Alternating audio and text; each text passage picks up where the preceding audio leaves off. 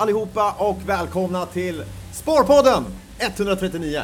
Fantastiskt. Hej Eva, välkommen Hej. tillbaka. Tack Jocke. Kul att vara här Ja. igen. Och var är vi någonstans? Ja, men vi står ju i Svenska Dagbladets tält i Almedalen. Ja, Ja, en regnig dag i Almedalen. ja det är Ganska mysigt. jättemysigt. Haha, Och så får vi prata sparande. det ska vi göra. Ja. Eh, och vi har lite gäster med oss idag. Ta och presentera dem på en gång. Det tycker Så återkommer vi till dem sen. Men vi har eh, Adam Kostiel med oss Absolut, jättetrevligt att vara här. och vi har Emma Persson. Stämmer. Tack, tack för att jag får vara här. Ja, varmt välkomna. Vi, eh, ska, varför är vi här? Varför är vi i Almedalen, Eva? Ja, men vi är ju här och deltar i en hel del seminarier och försöker påverka både politiker och branschen i de frågor som vi brinner för. Eh, när det gäller sparande, pension, eh, innovation och eh, andra delar. Ja. Vad har du gjort den här veckan? Ja, jag har också varit med i lite seminarier och sådär, men framförallt kan man lära sig sjukt mycket här. Det är fantastiskt bra. Det är sparad krona. Eh, här kan man gå på gratis seminarier hela dagarna och man kan äta mackor, snittar. Det finns alltid någon liten eh, bulle eller något sånt där. Det är kaffe, det är, det är, det är, det här är grymt. Sparekonoms dröm. Jag har Ja. inte lagt ut en krona på mat sedan jag kom hit. Ja, grattis. Ja. Men du, om vi, om vi bortser från maten då, vad, vad är det du... Jag känner att jag har fått med mig, precis som du säger, man kan verkligen få med sig en hel del kunskap och inspiration härifrån. Vad, vad har du fått med dig de här dagarna so far? Ja, absolut. Kunskap, eh, mycket, fokus mycket på pensionsfrågor för mig. Eh, Så jag har försökt lära mig lite mer. Men också möjligheten att påverka. Mm. Den finns ju faktiskt här. Man kan... eh, Man hittar alla människor här eh, faktiskt den här veckan. Eh, Och har en möjlighet att få sin röst hörd och försöka pusha lite för våra grejer som vi vill få igenom. Jag håller med. Jag tycker pensionsfrågan har väl varit... eh, men det, det är ju en av våra viktigaste frågor, att försöka påverka och få det till lite mer rörlighet inom den, eh, den delen. Och eh, jag, jag faktiskt på ett väldigt... Jag pratade på ett seminarium igår tillsammans med Kristina Lindenius från, eh, som är VD på Svensk Försäkring. Och det kommer lite bra grejer eh, därifrån. Bland annat en sak som jag faktiskt tycker är som de kommer lägga fram som förslag som jag verkligen tycker är en bra grej. Att Istället för, nu har man ju tagit bort en massa subventioner för sparande. Ja. Eh, ja, privat pensionssparande till exempel var det sista man tog bort i år. Hennes förslag är att istället för att man subventionerar eller på något sätt ger tillbaka på skatten, att man toppar upp, att man matchar. Så att om du, eh, det- förslaget de lägger fram är att om du sparar då 800 till exempel, eller 80, åt- ja men 800, Ja. då matchar eh, staten med 200. Så att det blir ett lite så här belöningssystem, att om du, Snyggt. om du sparar så matchar staten. Och jag tyckte det var så lite befriande, lite nya tankar och idéer. Vad bra. Ja, Skoj. ja, Se vad det blir av det då. ja vi hoppas vi får väl eh, hjälpa till framöver. Men det är Mm. mycket, mycket sånt som eh, mycket lobbying här också, men det är, Det är bra. klart. Är Bra klart. för eh, kunder och konsumenter och annat. Ja, snyggt. Mm. Eh, ska vi köra första gästen? Ja, Jag tycker det. Det är ju roligt. Spännande. Ja, verkligen. Eh, hur är läget Adam? Är det bra? Fantastiskt bra. Jaha, Kul att vara här. nu känner ju, nu känner ju jag dig i och för sig. Ja, det gör du. Eh, eftersom vi jobbat ihop. Vi är gamla kollegor. Ja, vi är gamla kollegor. Saknar dig. Härligt att höra. Härligt att höra. om vi då, för oss som inte står här och som kanske inte vet var ni är gamla kollegor ifrån. På Nasdaq. Var jobbar du någonstans Adam? Jag jobbar på du? Nasdaq och jag är noteringsansvarig här i Norden och Europa eh, och hjälper bolag att komma till börsen helt enkelt. Och vad gör du här i Almedalen? Vi vill ju notera alla svenska bolag så att eh, det är vårt mandat här helt enkelt. Och det går hyfsat bra. Eh, men nej, men det, det, det, jag är noteringsansvarig och eh, här finns otroligt många forum som är relevanta för oss. Just entreprenörskapsfrågan, just att entreprenörer får tillgång till kapital. Vi har en tillväxtplattform som heter First North som har blivit mer och mer aktuell för, som ett alternativ till VC-pengar. Eh, och, eh, så det kan vi diskutera lite mer om. Och sen har vi CSR-frågor, vi har allmänt liksom börsens roll i samhället. Ja, men det är Eh, intressant. Vad är, vad är börsens roll i, i samhället? Ja, men, ja, jag tycker den fyller många syften. Men en fråga som vi tittar på väldigt nära det är liksom att om du tittar på ett bolag, i mitt sammanhang i alla fall. Om du tittar på ett bolag som kommer att notera sig, ta First North. Har vi gjort en studie där ett motsvarande bolag i onoterad miljö gentemot ett bolag som är på First North eh, anställer mera då. Alltså ett first, bolag som noterar sig anställer mera personer eh, och skapar mer jobb. Ja. Och det där är ju en viktig samhällsfråga, eh, det här jobbskapandet. Eh, för då får de mer synlighet, de får mer eh, tillgång till kapital och det finns en större tillväxtkraft hos de här bolagen. Och, så att, att förenkla för bolag att notera sig är en viktig fråga för oss, att göra det mer komplicerat. Eh, och, så det, det, är en aspekt, att just det här liksom, ge kapital till bolag, eh, ge dem en kapitalmarknadsplattform så att de ska fortsätta sin tillväxt.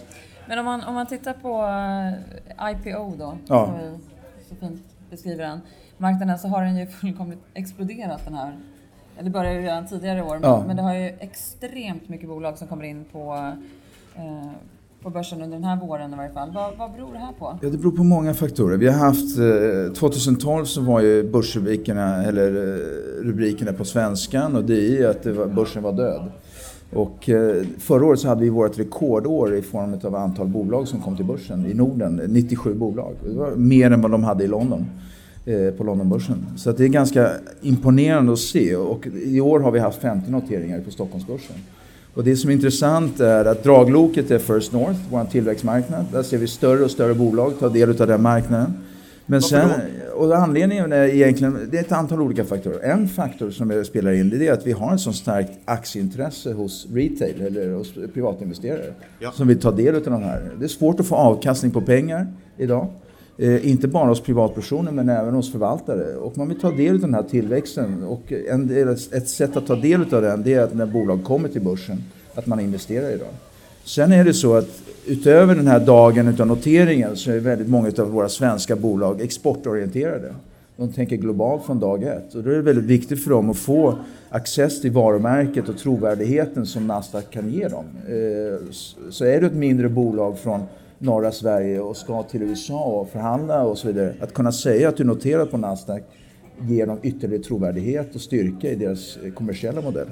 Men du, jag tänker på, nu har vi haft en, en eh, ganska hög riskaptit i, i eh, aktiemarknaden. Ja. Precis som du var inne på, att det har funnits få alternativ. Och, är, så, hur mycket påverkar det klimatet för bolag att, att notera sig på börsen? Jo, men makrofaktorerna är ju enormt viktiga. Eh, och, eh, så att, det är klart vi har tittat på Brexit och följt Brexit noggrant och se hur det påverkar marknaden och så vidare. Men just, just nu så finns det underliggande fundamenta som gör att eh, ja, låga räntenivåer, överlag en ganska bra ekonomi. Eh, och svenska bolag är exportorienterade och söker tillväxt. Så att vi har ganska många faktorer som gör att den svenska marknaden är väldigt aktuell ur ett noteringsperspektiv och kommer fortsätta vara det tror jag. Eh, och det som är intressant är om man tittar ur ett europeiskt perspektiv så har Sverige varit den ledande tillväxtmarknaden när det gäller antal noteringar, sex kvartal på raken. Eh, och det tror jag liksom är någonting som vi börjar få uppmärksamhet för, inte bara här i Norden men utanför Norden. Så att vi har mer och mer internationella bolag som tittar på First North som ett alternativ. Kan det om det nu blir Brexit, ja. vem vet? Ja. Eh, men nu, nu, vi säger så, att det blir ett Brexit. Tror du det kommer påverka Sverige, Finansplats Stockholm? Eh, det finns ju en jättestor, den största marknaden, eh, AIM heter man. AIM ja. I London, kommer den Just påverkas? Ja, men jag tror det. Jag tror att det kommer påverkas. Och jag tror att vi, en sak som jag liksom inte hade reflekterat över innan, det var ju det att Sverige är nu det största icke-eurolandet i EU. Eh, om då England går ut. Och, och, då blir liksom våran förhandlingskraft kanske inte lika stark som den var innan. Eh, och jag tror Just nu så har ju marknaden absorberat den här Brexit-nyheten och, och FTSE är högre än den var innan Brexit. Så att jag menar, det verkar som att marknaden klarar av det här. Men långsiktiga påverkan är för tid för mig att kunna utvärdera. Men givetvis så finns en stark oro att London inte alls är lika aktuell längre som finansiell marknadsplats. Och det är en möjlighet för oss i Stockholm att kunna framhäva den framgången vi har haft och kunna marknadsföra den, kanske inte bara i Norden, men även utanför Norden. Eh, och framförallt för svenska och nordiska bolag att känna sig trygga att här har de en bra marknadsplats som kan stötta dem. Jag, jag, vi har ju, det finns ju en eh, rapport då, en, som bland annat Lauri, din mm. VD på, på börsen, har varit med och tagit fram som tillväxt när man pratar om att eh, Stockholm vill ju ta positionen som eh, finanscentrum. Just eh, idag är vi på plats åtta och vill, bli, vill ta oss till plats fem. det här är också en fråga som naturligtvis jag bland annat har varit med och diskuterat här, här i Almedalen. Men hur, Vad, vad ser du? Jag menar, det här måste ju vara en jättemöjlighet för, precis som du är inne på, att, Ja. att få Jag tycker, verkligen jag, tycker, jag, jag, tycker, jag tycker man ska omvärdera hur man mäter de där. Stat, liksom. Så jag tycker att vi är nummer ett. Eh, Så Det går alltid att ljuga med statistik, är det inte så? nej, men jag tycker vi är nummer ett. Vi har sex kvartal på raken har vi varit världens ledande tillväxtmarknad för småbolag att få access till eh, noteringar. Och, och det var tycker jag... Vi är redan. Nu vi är redan ett, så jag vet inte vilka de Vad andra punkterna är. Men eh, sen gjorde Wall Street Journal en annan eh, studie häromdagen där man rankade vilka, länder blir eh, vilka städer blir alternativet till London. Då var, utav de tio alternativen så tror jag Amsterdam rankades hög, högst. Sen tror jag det var eh, Paris och sen Wien. Men eh, Stockholm var inte med en utav de tio. Och, och det tror jag att vi måste vara bättre på att marknadsföra vad vi har här. Eh, för det har engelsmännen varit traditionellt sett. Eh, AIM är inte en framgång just nu. De har enorma motgångar och det är inte på grund av Brexit. Det är för att de inte har lyckats skapa en dynamisk miljö för småbolag att skaffa eh, kapital. Och det tror jag vi har lyckats med First North. Det måste vi fortsätta investera och inte bara titta på. Eh, och det kräver samarbete med er och se till att mer och mer personer är informerade och förstår möjligheten med att kunna investera i bolag.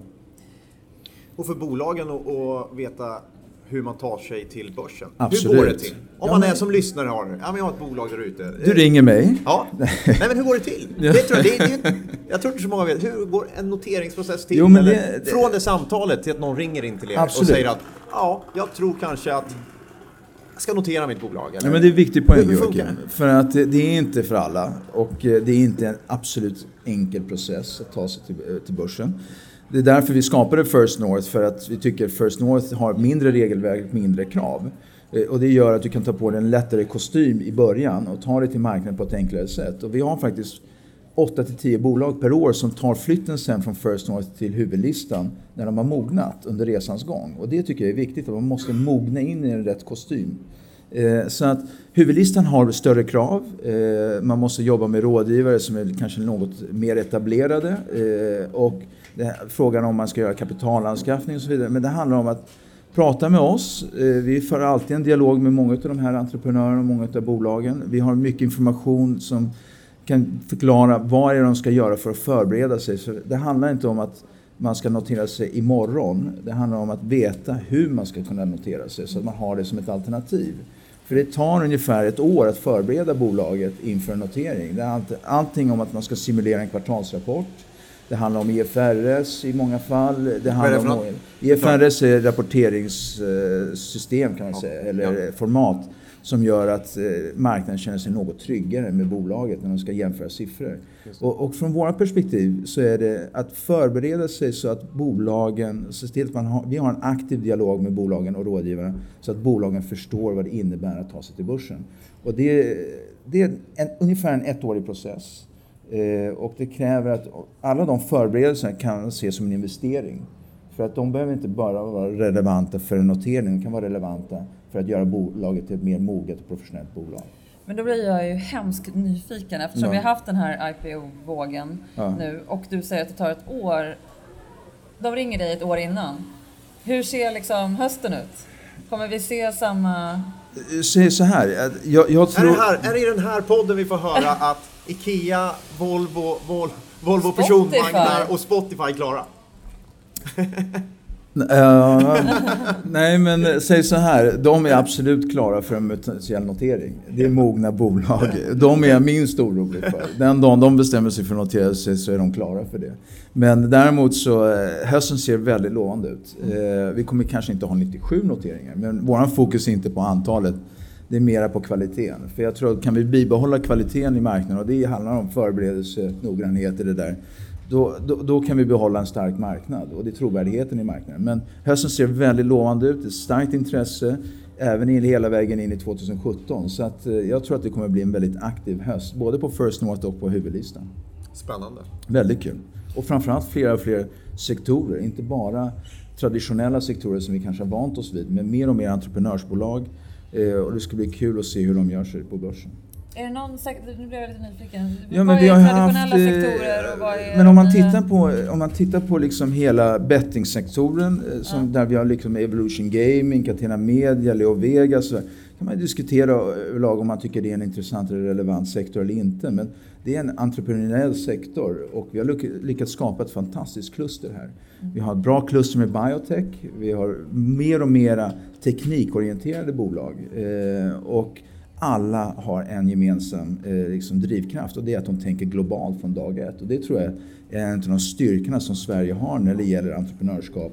De är inte nöjda med den lokala marknaden, de vill ut. Och där kan Nasdaq hjälpa dem att skapa ytterligare trovärdighet och visibilitet för deras fortsatta tillväxt. fanns ju, eller har varit, en jättenotering i Norden. Ja, Eh, som jag tror många av mina lyssnare inte ens vet om. Och då tänker jag på Dong. absolut. Kan vi inte prata lite om Dong? Eh, för det är ju en, en är, är det den största i Europa i år? Kan det vara det? Det är den största i världen i år. I världen i år? Världen. Kärt barn har många namn som vi brukar säga. Men det, det Jag var... tänkte börja med att säga störst i norra Europa, för de var så safe. Men, Det var men- absolut största notering genom tiderna. Telia är fortfarande den största om man tittar på total, total kapitalanskaffning. Okej. Men eh, i Danmark är den största noteringen genom tiderna. Och, eh, det är också en styrka att vi lyckas behålla de här stora bolagen i Norden. Eh, för 70 procent av vår handel idag kommer från utländska investerare. Det är väldigt enkelt att investera i Norden. De tycker att vår infrastruktur som börs är lättillgänglig och fungerar bra. Eh, och de tycker att svenska bolag är välskötta och intressanta. Eh, så att vi lyckas attrahera internationellt kapital till våra bolag här. De behöver inte gå till London, de behöver inte gå till USA för att söka den här noteringen. Och det tror jag är väldigt viktigt. Däremot i Danmark har vi en utmaning för att där lyckas vi notera stora bolag men inte små. Så vi jobbar aktivt med att få hit danska bolag. Okej. Eh, Så mitt danska team, de lyfter fram den framgång vi haft i Sverige och vi har haft sju noteringar i Danmark. Men sex av dem har varit i Stockholm, varav en i Danmark och det var Dong. Right. Så att eh, de var imponerande, satte oss på kartan. Men jag föredrar de här mindre noteringarna för det är liksom närmare entreprenören. Just det. Det är ganska häftigt för de som inte varit med om det. Men när det- när man, har, man ringer ju klockan Ja. första dagen, noteringsdagen på börsen. Och när det är ett sånt här bolag där det är en entreprenör bakom som verkligen går fram, ringer i klockan. Det är passion. Ganska ofta lite skit i ögat då, för det är Verkligen. många som börjar där. Det, är, det är magiskt. Det är men ju magiskt. Också, men det är också det att man får en, en prislapp på det du har skapat. Ja, men lite så. Och de får en köpkraft och de får en visibilitet som de inte hade innan. Och entreprenören försvinner ju inte. Entreprenören fortsätter ju att driva bolaget på börsen. Och det är viktigt att man behåller kontrollen och man skapar en ny plattform för att fortsätta tillväxten. Men det är som du säger, det är mycket, många tårar, mycket emotion. I, och det var någon som ringde sönder klockan en gång. Så, att, så att det finns mycket som ska ut den dagen. Ja, det är ju trist, för den är några hundra år gammal under klockan. Ja, nu var det i och för sig bara repet. Men. Fantastiskt. Men du, eh, om vi blickar ut då. Jag tänker på...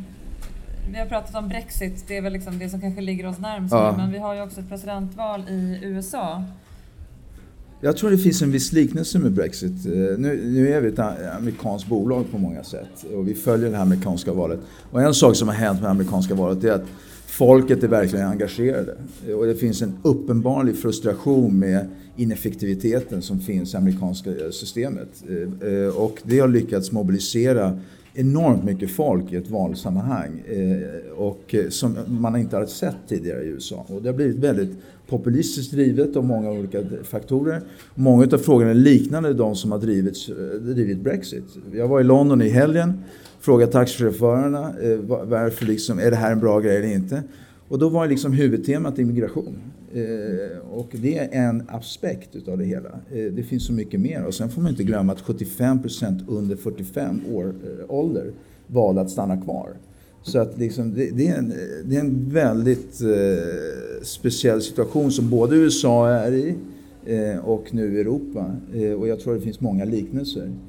Vad, vad tror du bror? Den amerikanska politiken är ju sjukt omständig. eh, Den är väldigt som. omständig. Eh, De, men- de, de lyckas inte få fram ma- mandat och driva förändring.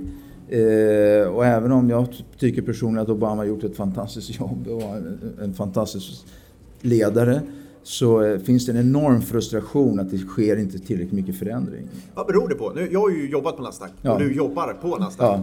Ja. Eh, är det något amerikanska bolag är bra på är det effektivitet. Det amerikanska näringslivet är väldigt duktigt på att hela tiden vara effektiva, Ja. gör det du ska. Ja, men i skatte- men på den politiska sidan är det tvärtom. Ja, det är liksom bara blockering och, och eh, ingen tror- väg framåt. Jag tror att, nu är inte jag politiskt sakkunnig på något sätt, men jag Men tror en att, åsikt? Men en åsikt, en personlig åsikt har jag i alla fall, att jag tror att man har drivit för många kommersiella anledningar. Eh, Och det är en sak i den här skattefrågan som har drivit många av de här stora transaktionerna. Pfizer som ska köpa ett europeiskt, liksom AstraZeneca och alla de här stora. Och det är drivet utav skattefrågor. Att man liksom inte kan ta hem pengar och det har liksom skapats en ineffektivitet i, i samhället i USA, framförallt drivet gentemot företag som har skapat frustration. Eh, och jag tror att i längden så måste man skapa en effektivitet och det tror jag engelsmännen också efterfrågar och jag tror att vi som svenskar efterfrågar gentemot EU. Eh, och där tror jag EU har fått en awakening att man måste bli mer effektiva. Eh, och det är den frustrationen som nu leder till att man vill bara se förändring i USA. Och jag tror inte Trump nödvändigtvis kommer vinna, det är min personliga åsikt. Men han har skapat lyft debatten till en annan nivå när det gäller den här frustrationen. Och den tror jag alla tar med respekt. Eh, Men sen hoppas jag på att kanske inte det blir Trump. Nej. Jag tänkte vi skulle släppa in Emma också. Absolut. Eh. Men kan jag bara få ställa en fråga till? Ja, jag vet. Jag, på, Jag- jag, jag kom- måste, jag må, förlåt Emma, Ja, men jag måste Emma, ställa vi- en fråga till. För Jag är lite upp nu. sugen på att höra lite. Ja, men vi ja, men det. jag Men kan jag få göra det? Jag vill veta var jag ska lägga mina pengar, mina sparpoäng. Absolut, men du, det är bara att fortsätta lyssna på podden. Varje... Ja, ja, ja, ja, jag gör det, jag gör det. Ja, men Ja, jag vill men- bara... Eh, ja, men jag hade bara en fråga som jag dök upp i mitt huvud. För ni noterade ett bolag som heter Paradox, Ja, spelbolaget. ja. Och jag måste fråga det. Varför? Jag, nej, jag förstår det. För Ja, ja, det är ett underbart intressant bolag. Ja. Eh, Det men, har gått upp 57 procent sedan de noterades. Ja, det är fantastiskt. Jobbat i den här branschen i 18 år. Ja. Den delen som du pysslar med i den här branschen har sett ganska likadan ut Ja. under de 18 Ja, åren. Här var det lite annorlunda med Paradox. Eh, vi hade Peppins. Ja, ja, jag tycker det är teckna. fantastiskt. Eh, det förändras lite. Jo, det men det- det går- nya vindar och... och Det går tillbaka till er fråga om hur man ska notera ett bolag och de har liksom Ja. tänkt om lite där. Ja. Och där egentligen de gick ut och tog in en crowdfunding-plattform och vände på den här crowdfunding-plattformen och använde den som ett distributionsnätverk för att få in mer och mer retail. För Ja. deras filosofi var att deras produkt, de har många användare och deras användare ska inte bara spela Nej. men de ska även vara aktieägare. Ja. Och, eh, och de hade den drivkraften och det tror jag att crowdfunding för retailprodukter, en kommersiell produkt på det aspektet som folket kan ta in och förstå. Där tror jag crowdfunding kan spela en viktig roll. Eh, och att vända på det och använda den plattformen för att få ner transaktionskostnaden Ja. eh, är ett intressant sätt för att få ner kostnaden för notering. Så de gjorde det väldigt effektivt. De lyckades bra med det. Jag tror inte det är för alla bolag, men för de rätta bolagen så tror jag att man ska utvärdera det alternativet. Men jag vet inte om det var det som Ja, var frågan. Absolut. Kul. Men- bolag med en stark kundlojalitet, för det är väl det som har varit liksom kärnan med Paradox, att de har haft en extremt stark kundlojalitet. Ja. Att, att de har varit med och utvecklat bolaget under tiden och nu någonstans Nu gå in i de nästa tillbaka fas. sina, Ja. och det är en risk ju, men då måste man leva upp till förväntningarna att, att inte bara spelet är bra men även bolaget är bra. Det är lite två skillnader. Ja, lite. Men hittills har de lyckats leverera på bägge. Ja. Fantastiskt. Jättekul. Tack Adam. Tack du hänger kvar här eller? Jag lyssnar lite Ja. för jag tycker det här är intressant. Ja. Bra. Emma, varmt välkommen. Tack så Emma mycket. Persson, berätta, vem är du? Jag eh, jobbar på SBAB som boendeekonom och eh, där försöker vi att eh, prata om boende, boendefinansiering och det är så många andra frågor också som rör boende. Ehm, och försöker få upp de frågorna på agendan, försöker prata på ett lättbegripligt sätt ehm, i alla möjliga kanaler. Och här i Almedalen, vad gör man som eh, boendeekonom här i, i Almedalen? I Almedalen så märker man som boendeekonom men också som eh, vanlig besökare i Almedalen att bostadsfrågan är hetare än någonsin.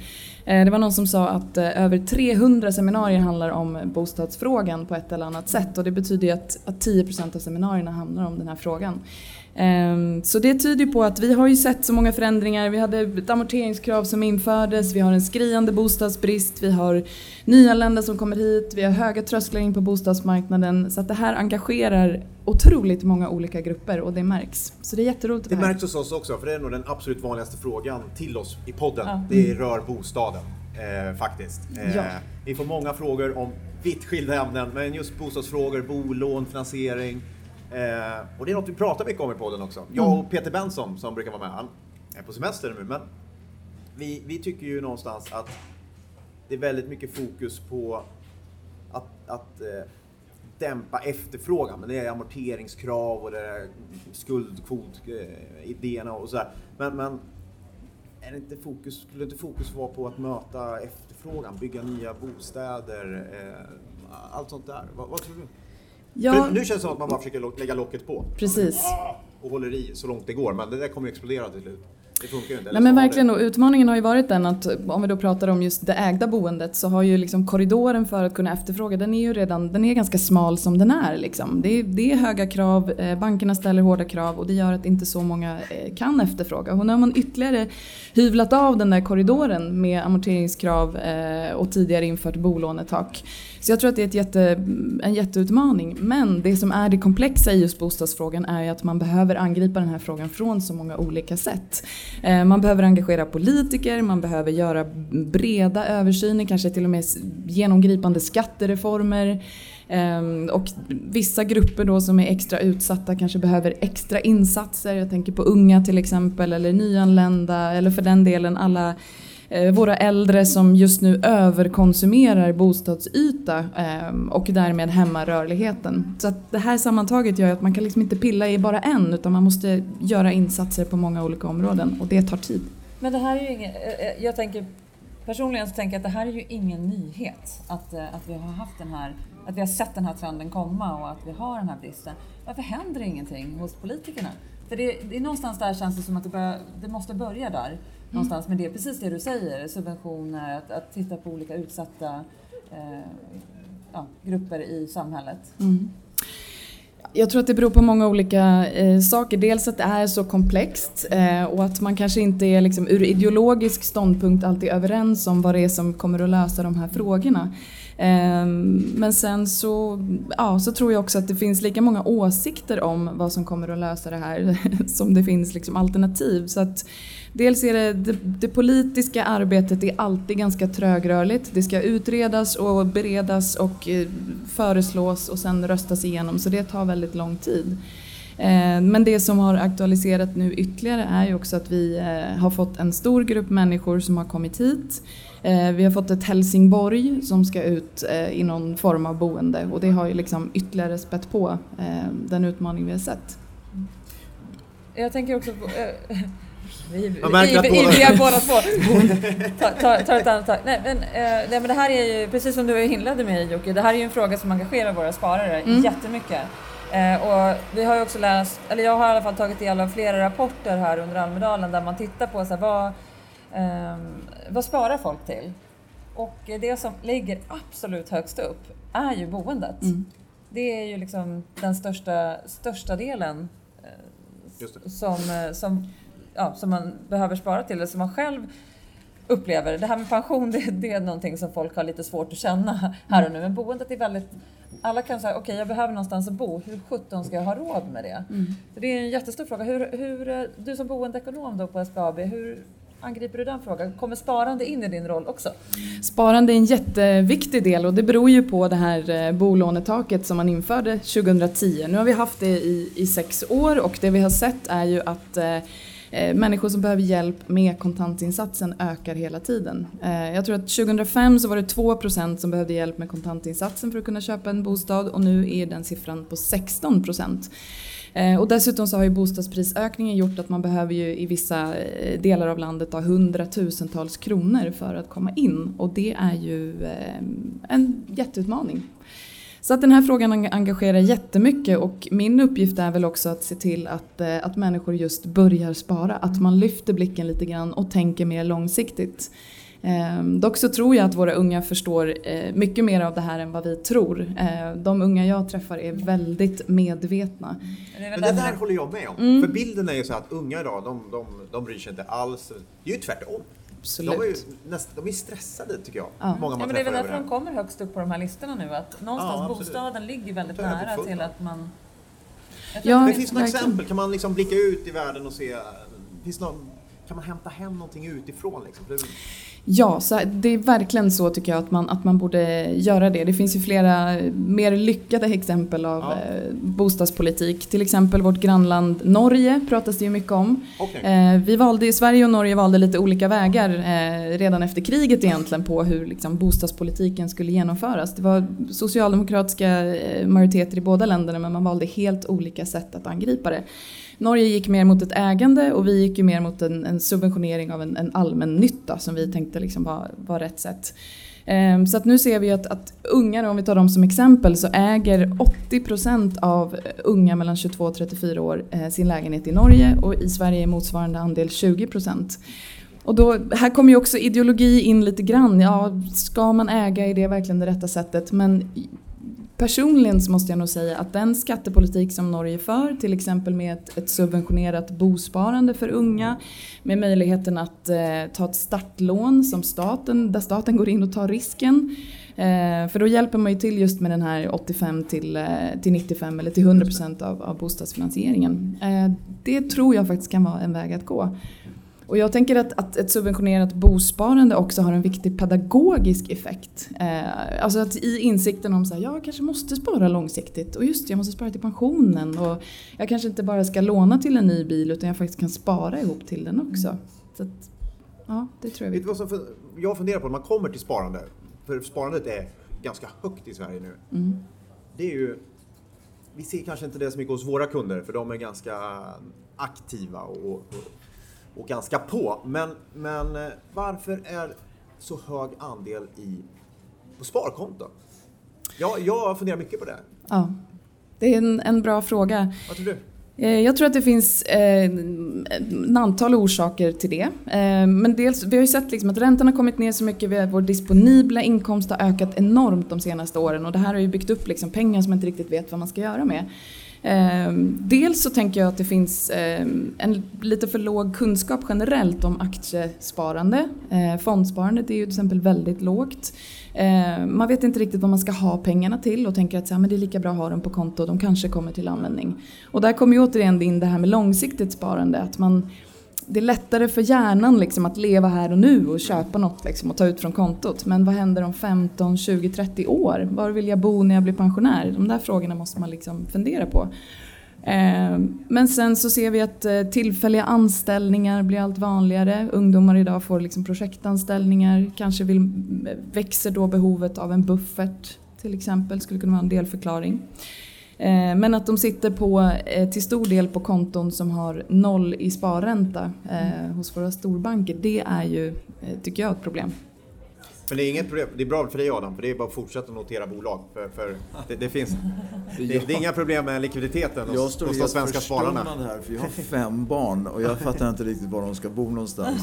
Jag kan inte ha dem hemma hela livet så jag lyssnar med stora öron här. Men just den här informationen, att förstå vad man ska göra med sina pengar, det tror jag är en bristvara. Och jag tror att den här podcasten och mer man kan göra för att skapa förståelse av alternativen. För just det här att alternativet att inte göra någonting, att lämna den på nollränta i banken, är ett alternativ. Och det, det är lite olyckligt för samhället på något sätt. Men där tycker jag ändå, eh, jag håller helt med och jag tror att det handlar, vi försöker verkligen verka för att få barn och unga att bli mer intresserade av sparande generellt. Sen behöver inte alla investera i aktiemarknaden som första steg men, men, men jag tror ändå att, jag pratade faktiskt med två killar här utanför eh, innan som stod och hjälpte till här i tältet och, och just eh, de bara, ja det är Sparpodden, och så pratade vi om det med sparande och jag har ju pratat min sons aktieportfölj tidigare i Sparpodden, men just det här att skapa det här intresset. Att veta att man kan äga en andel i ett bolag. Och det behöver inte vara mer komplicerat än så, men att sätta pengarna på ett sparkonto, jag tror inte min son skulle gå igång på det riktigt. Han fattar inte vad... Då blir de ju tillgängliga, men nu när han äger en del av Walt Disney, liksom, Ja. då är han, han är jäkligt stolt över det när han Ja. går och ser filmer. Han bara, mamma jag, jag äger en del av det här bolaget. Och det är, någonstans tror jag att om man kan börja där och skapa det intresset, för då får du lite den här långsiktigheten också. Det är klart att han inte, han vill ju inte släppa sin del i Disney. Nej, nej. Sen tror jag han köpte Cloetta också för brorsan käkar mycket godis, men jag vet inte om det var en bra smart. investering eller Den inte. som spar han har. Men, men, men eh, det är klart, man vill, jag skulle gärna se mina barn spara lite mer också och inte bara konsumera. Men just att investera eh, eh, tycker jag är ett koncept som folk borde förstå mera. Att Ja. man kan investera. Och att inte handlar om konsumera. Eh, Men gav du dina barn eh, veckopeng? Får jag fråga dig? Ja, men jag gör det. Ja, du gör det. Jag för gör det, det. det tror jag är en sån här viktig sak. Det är färre och färre föräldrar som ger barn eh, veckopeng idag. Och det beror ju kanske på det här att man, man känner att man har gott om pengar över, man betalar här och Ja. var liksom, och det är inte så viktigt. Men jag tror att det är superviktigt att man ger barnen den här begränsade Ansvar. summan, och precis, och ett ansvar över den. Och att man då pratar om så här, ska du köpa eh, den här Hello Kitty plastgrejen eller ska du kanske spara lite av det och liksom komma in på det väldigt tidigt. Och då kan man ju sen då när de blir lite äldre gå över till, ja men man kan faktiskt investera i bolag och hur ska du bo? Och, Fast vet du varför föräldrar inte ger sina barn veckopeng? Jag har svaret på det. För jag Vad spännande. digitalisering. Det är digitaliseringens fel. För varje fredag när jag står med, med mina barn, Greta och Signe, så eh, de får veckopeng, eller ska få veckopeng. Men jag glömmer aldrig, har aldrig cash.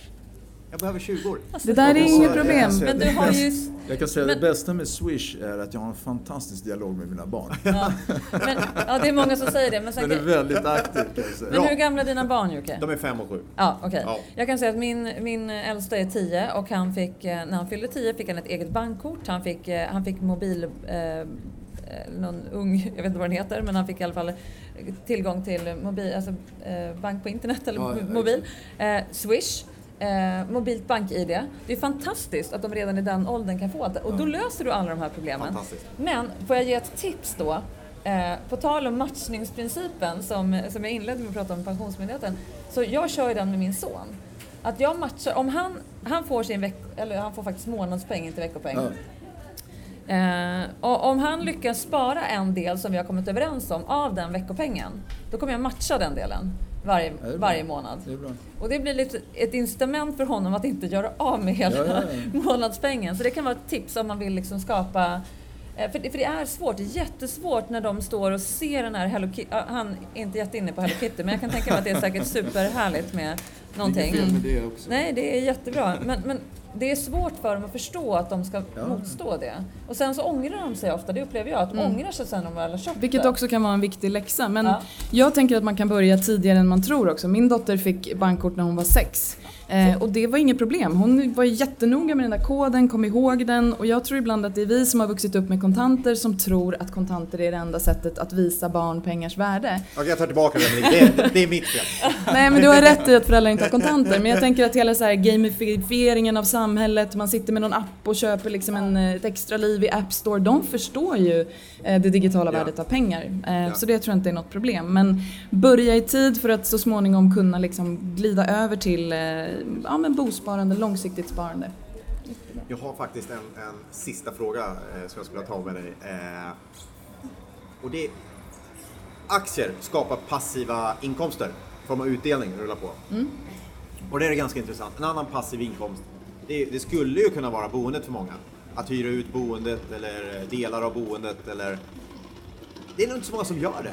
Nej, och det är så Varför himla det så? synd. Det är jättetråkigt. Det är faktiskt också mycket vanligare i vår, eh, vårt föregångsland, man ska säga Norge. Eh, Där hyr man ut jättemycket och där har man också jobbat med, med skattesystemet så att det är fördelaktigt att hyra ut. Eh, men jag tänker att vi måste förmå de här äldre som sitter på enorma ytor att hyra ut en del av sin bostad. Och här skulle man ju kunna ja, liksom uppmuntra folk att bygga en extra ingång eh, som man sen kan ha när, när barnen blir äldre, liksom som ett extra rum och hyra ut till en student.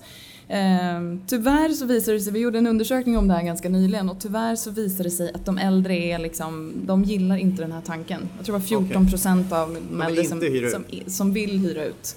Så det är en liten andel. Eh, jag vet inte om vi har liksom en hög integritet i det här landet eller vad det beror på men jag tror att man måste visa på just det här du sa, att det här kan ge en passiv inkomst, man kan göra en insats för bostadsbristen i samhället. Det liksom för ju med sig många eh, Det positiva här är ett bra aspekter. pensionstips. Väldigt att bra. eh, bygga med en egen ingång till din eh, ungdom där hemma, Mm. tonåring. Sen när du blir äldre, pension, kanske behöver lite intäkter, då hyr du ut det. Jag, Det är tänker, jag tänker Adam, där har du din lösning. Det är bara Ja. fem, fem nya Ja. dörrar Så det så... så här, jag växte upp i Italien och där brukar vi alltid skoja om alla de här killarna som bodde kvar tills de var 35-40 hos sina föräldrar för de kommer inte lämna La Mamma. Men jag tror det kommer bli mer och mer en verklighet här i Sverige också. Eh, och det här med att bygga det här extra huset på tomten eller du vet och så vidare. Det tror jag är en del av den här rörligheten som vi måste skapa i, i marknaden för det finns ingen rörlighet. Eh, Och det är den här skattefrågan, eh, liksom om du måste skatta direkt om du säljer huset. Eh, Så det sitter många kvar på bostäder för att de- man har inte skapat tillräckligt mycket rörlighet. Nej, och det är jätteviktigt. Vi kan inte bygga oss ur den här krisen utan vi måste titta på mer rörlighet, att utnyttja det befintliga beståndet mycket bättre och också sådana alternativa lösningar tänker jag, som till exempel uthyrning. Eh, Och det vet ju alla mäklare att om man har en lägenhet där man har en extra ingång och möjlighet just till den här extrainkomsten, de, det stiger ju i pris för att folk ser att det, ja, det finns ett värde. Vet ni vad? Det här är slutet. Fantastiskt Tiden går kul. fort när man har roligt. Ja, verkligen. Ja. Och eh, det här var faktiskt Sparpodden 139. Och nu går vi in i lite sommarpodd-mode. Så nästa vecka kom, och veckan framöver kommer det vara lite intervjuer som kommer. Eh, men det kommer en podd varje onsdag, även på sommaren. Såklart. Yes. Vet du vad? Nu ska finansministern snart upp och ta den här platsen på scenen. Ja, då får vi, då får vi, lämna, då får vi lämna scenen. Det får vi göra. Men eh, tack för idag. Tack så mycket. Tack, tack, tack. allihop. Hej!